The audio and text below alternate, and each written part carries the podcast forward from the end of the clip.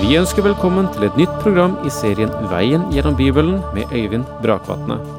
Denne studieserien er produsert av P7 Kristen Riksradio og bygger på serien Through the Bible av Vernon McGee. I dag fortsetter vi med profeten Zakaria.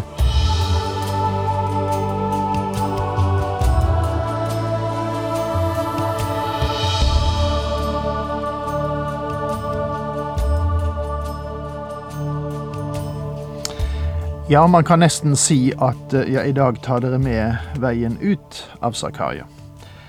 For dette er det siste programmet omkring denne veldige profet. Vi er kommet til slutten av eh, kapittel 14, og um, her trekker Zakaria opp de lange linjene som har å gjøre med Kristi kongedømme én gang, da Messias riket skal være et eh, faktum, og da Jerusalem på en helt spesiell måte skal være verdens sentrum. Det er eh, veldige vyer som eh, trekkes opp for oss her, så av og til når jeg leser Zakaria-boken, har jeg følelsen av at jeg nesten mister pusten. For selv Zakaria kan bare fortelle noe av det som skal skje, i bilder og i symboler. Og når bildene er så mektige, hva skal da ikke selve virkeligheten egentlig bli? Vi går inn igjen i kapittel 14 i dag, og til vers 14. Og så står det videre slik. Ja, Juda skal stride mot Jerusalem, og rikdommen fra alle folkeslagene rundt omkring skal bli samlet inn, gull og sølv og klær i store mengder. En slik plage skal også ramme hestene, mulddyrene, kamelene, eslene og alle andre dyr som er i leirene deres. Det sies her at Jerusalem skal bli verdens kommersielle senter. Og det sies et annet sted i profetien at på samme vis som de brakte store rikdommer fra Egypt på Mosetid, så skal de føre store rikdommer inn i landet når de vandrer tilbake, det vil si når Gud lar dem vende tilbake. Og vi kommer nå til en beskrivelse av selve kongeriket i motsetningen til etableringen, vil si opprettelsen av det. Ved Kristi komme til jorden vil han få bukt med all urettferdighet og alt opprør. Alle som blir igjen av alle de folkeslag som drar imot Jerusalem, skal år etter år dra opp for å bøye seg og tilbe Kongen, Herren, allherrs Gud, og for å feire løvhyttefesten. Men dette verset betyr at det ikke bare vil være en rest av Israel som blir frelst, men også en rest fra hver av hedningenasjonene, og de skal gå inn i riket. Alle som blir igjen av alle de folkeslag som drar imot Jerusalem, skal år etter år dra opp for å bøye seg og tilbe Kongen, Herren, allherrs Gud. De skal altså konsentrere seg om Jerusalem. Mange store forandringer finner sted ved denne tid, ikke bare fysiske, ikke bare åndelige, ikke bare økonomiske og på andre livsområder, men også måten Gud formidler vitnesbyrdet på, skal endres under tusenårsriket. I dag er ordren at vi skal begynne fra Jerusalem og like til jordens ender, som det står i Apostlenes gjerninger, kapittel 1, vers 8.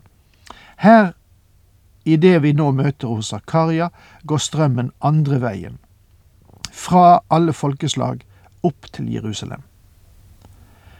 Slik foregikk det også før den Herre Jesus kom og døde på korset. Men etter sin død og oppstandelse sa han gå til jordens ender med dette budskapet. De som drar opp, skal dra år etter år for å feire løvhyttefesten. Løvhyttefesten eller tabernakelfesten er den fest israelittene feiret da de kom ut av Egypt. Den dagen skal vi feire den fordi de er ført fra jordens ender tilbake til Jerusalem. Men om noen av jordens etter ikke drar opp til Jerusalem for å tilbe kongen, Herren allherrs Gud, skal det ikke falle regn over dem. Kanskje noen vil si, jeg trodde dette var tusenårsriket. Det er det, men dette tusenårsriket vil også være en prøvetid for dem i den store skaren, en rest, men en stor rest, tror jeg, som har vent seg til Gud. Det er som å være et kirkemedlem. Ikke alle kirkemedlemmer er nødvendigvis kristne. Og Derfor vil denne perioden i løpet av tusenårsriket være en prøvetid. Og om egypternes ett ikke drar opp og ikke kommer, da skal det heller ikke komme regn over dem, men derimot den plagen Herren lar ramme de folkeslag som ikke drar opp for å feire løvhyttefesten. Dette skal være straffen for egypterne og alle de folkeslagene som ikke drar opp for å feire løvhyttefesten. Egypt blir her brukt som et eksempel. Den dagen skal det stå Helliget Herren på hestenes bjeller, og grytene i Herrens hus skal være som offerskålene foran alteret. Den dagen Zakaria vil ikke slippe oss fri fra dette uttrykket. Den dagen skal det stå Helliget Herren på hestenes bjeller. Altså selv en bjelle på en hest skal være hellig for Herren. Ja, hva betyr det? Det betyr at alt skal tjene Gud. Karene i tabernaklet ble kalt hellige kar. Hvorfor? De var ikke uvanlige. Jeg har en følelse av at etter 40 år i ørkenen var de både skrammet og bulket, og jeg tror mange av dem som så ut som de virkelig hadde vært gjennom en hard periode, eh, hørte til disse karene i tabernaklet, eller i tempelet. Men de var hellige fordi de sto til tjeneste for Gud. Og alt skal den dagen tjene Gud. Og gryten i Herrens hus skal være som offerskålene foran alteret. Alt skal være til Guds ære da, men i dag lever vi i en verden der praktisk talt intet står til Guds disposisjon. Hver eneste gryte i Jerusalem og Juda skal være helliget Herren, allherrs Gud, og alle som ofrer, skal komme og ta av dem og koke i dem. Den dagen skal ikke lenger være noen som driver handel i huset til Herren, allherrs Gud. Hver eneste gryte i Jerusalem og Juda skal være helliget Herren, allherrs Gud. Bare tenk på det. Tenk på at hver smitt og smule skal stå til Guds disposisjon og ære Gud. Alt skal være innviet til ham. Og alle som ofrer, skal komme og ta av dem og koke i dem. Skal man bringe offer ved denne tid? Ja, eh, skal vi lese det som står i dette verset her, så ser det slik ut. Og Esekiel understreker noe av det samme.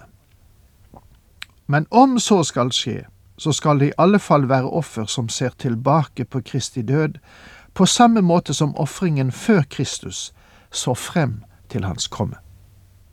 Den dagen skal det ikke lenger være noen som driver handel i huset til Herren, allherrs Gud. Det betyr at hyklere og skinnhellige er borte. Alle de vantroe er fjernet, og ingen skal finnes der i tjeneste for Gud uten at de i sannhet tilhører ham. Dette skal være tusenårsriket, mine venner. Og det er et veldig bilde som trekkes opp for oss her. Og dette er en mektig finale og et klimaks på Zakarias profetiske virksomhet. Men så kan vi stille spørsmålet her nå mot slutten. Tok folket imot dette budskapet? Det var et budskap som skulle være til trøst, til hjelp, selv om Herren konfronterer dem med dom, med utfordringer, med ransakende spørsmål, så var dette et ord til trøst. For det trekker opp de lange linjene og forteller at den Gud som folket tjener, ikke skal svikte dem. Men tok de imot det da? Ja, la oss nå gå tilbake igjen eh, til eh, til navnet Zakaria.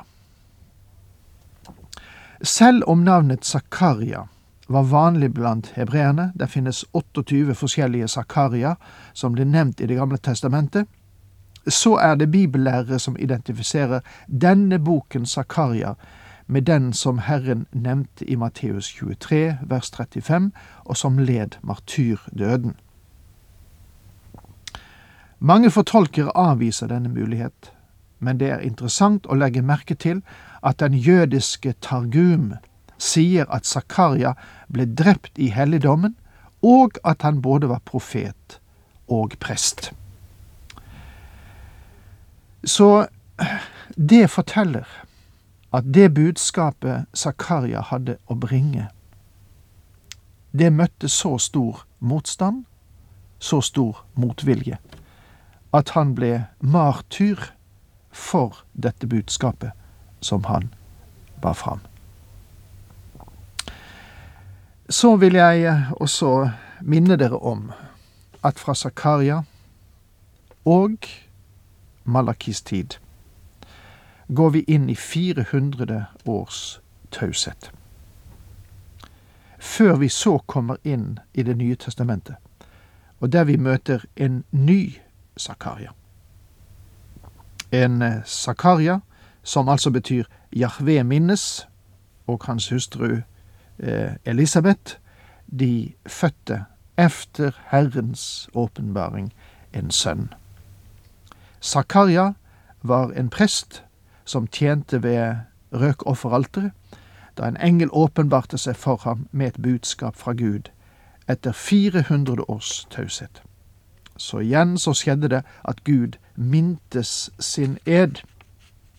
Men altså, mellom den siste Zakaria der og den Zakaria vi nå forlater, ligger det 400 år. Taushet, og likevel et budskap fra den, siste, den første Zakaria vi har med å gjøre her, som eh, spente bro over 400 år og trakk de lange linjene og forteller at selv om jeg er taus mot dere, Israels folk, så skal jeg holde mitt løfte til dere, og min plan og mitt program, det skal ingen kunne velte. Og det er eh, den frimodige tillit som vi fremdeles har til Gud. Han glemmer ikke. Takk for nå. Herren med deg.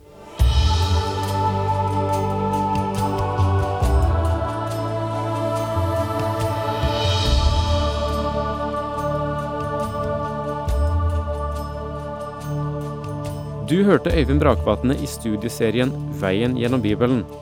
Serien bygger på et manus av Vern McGee. Har du spørsmål eller kommentarer til programmet, kan du sende en e-post til vgb krøllalfa p7.no. Takk for i dag, og på gjenhør.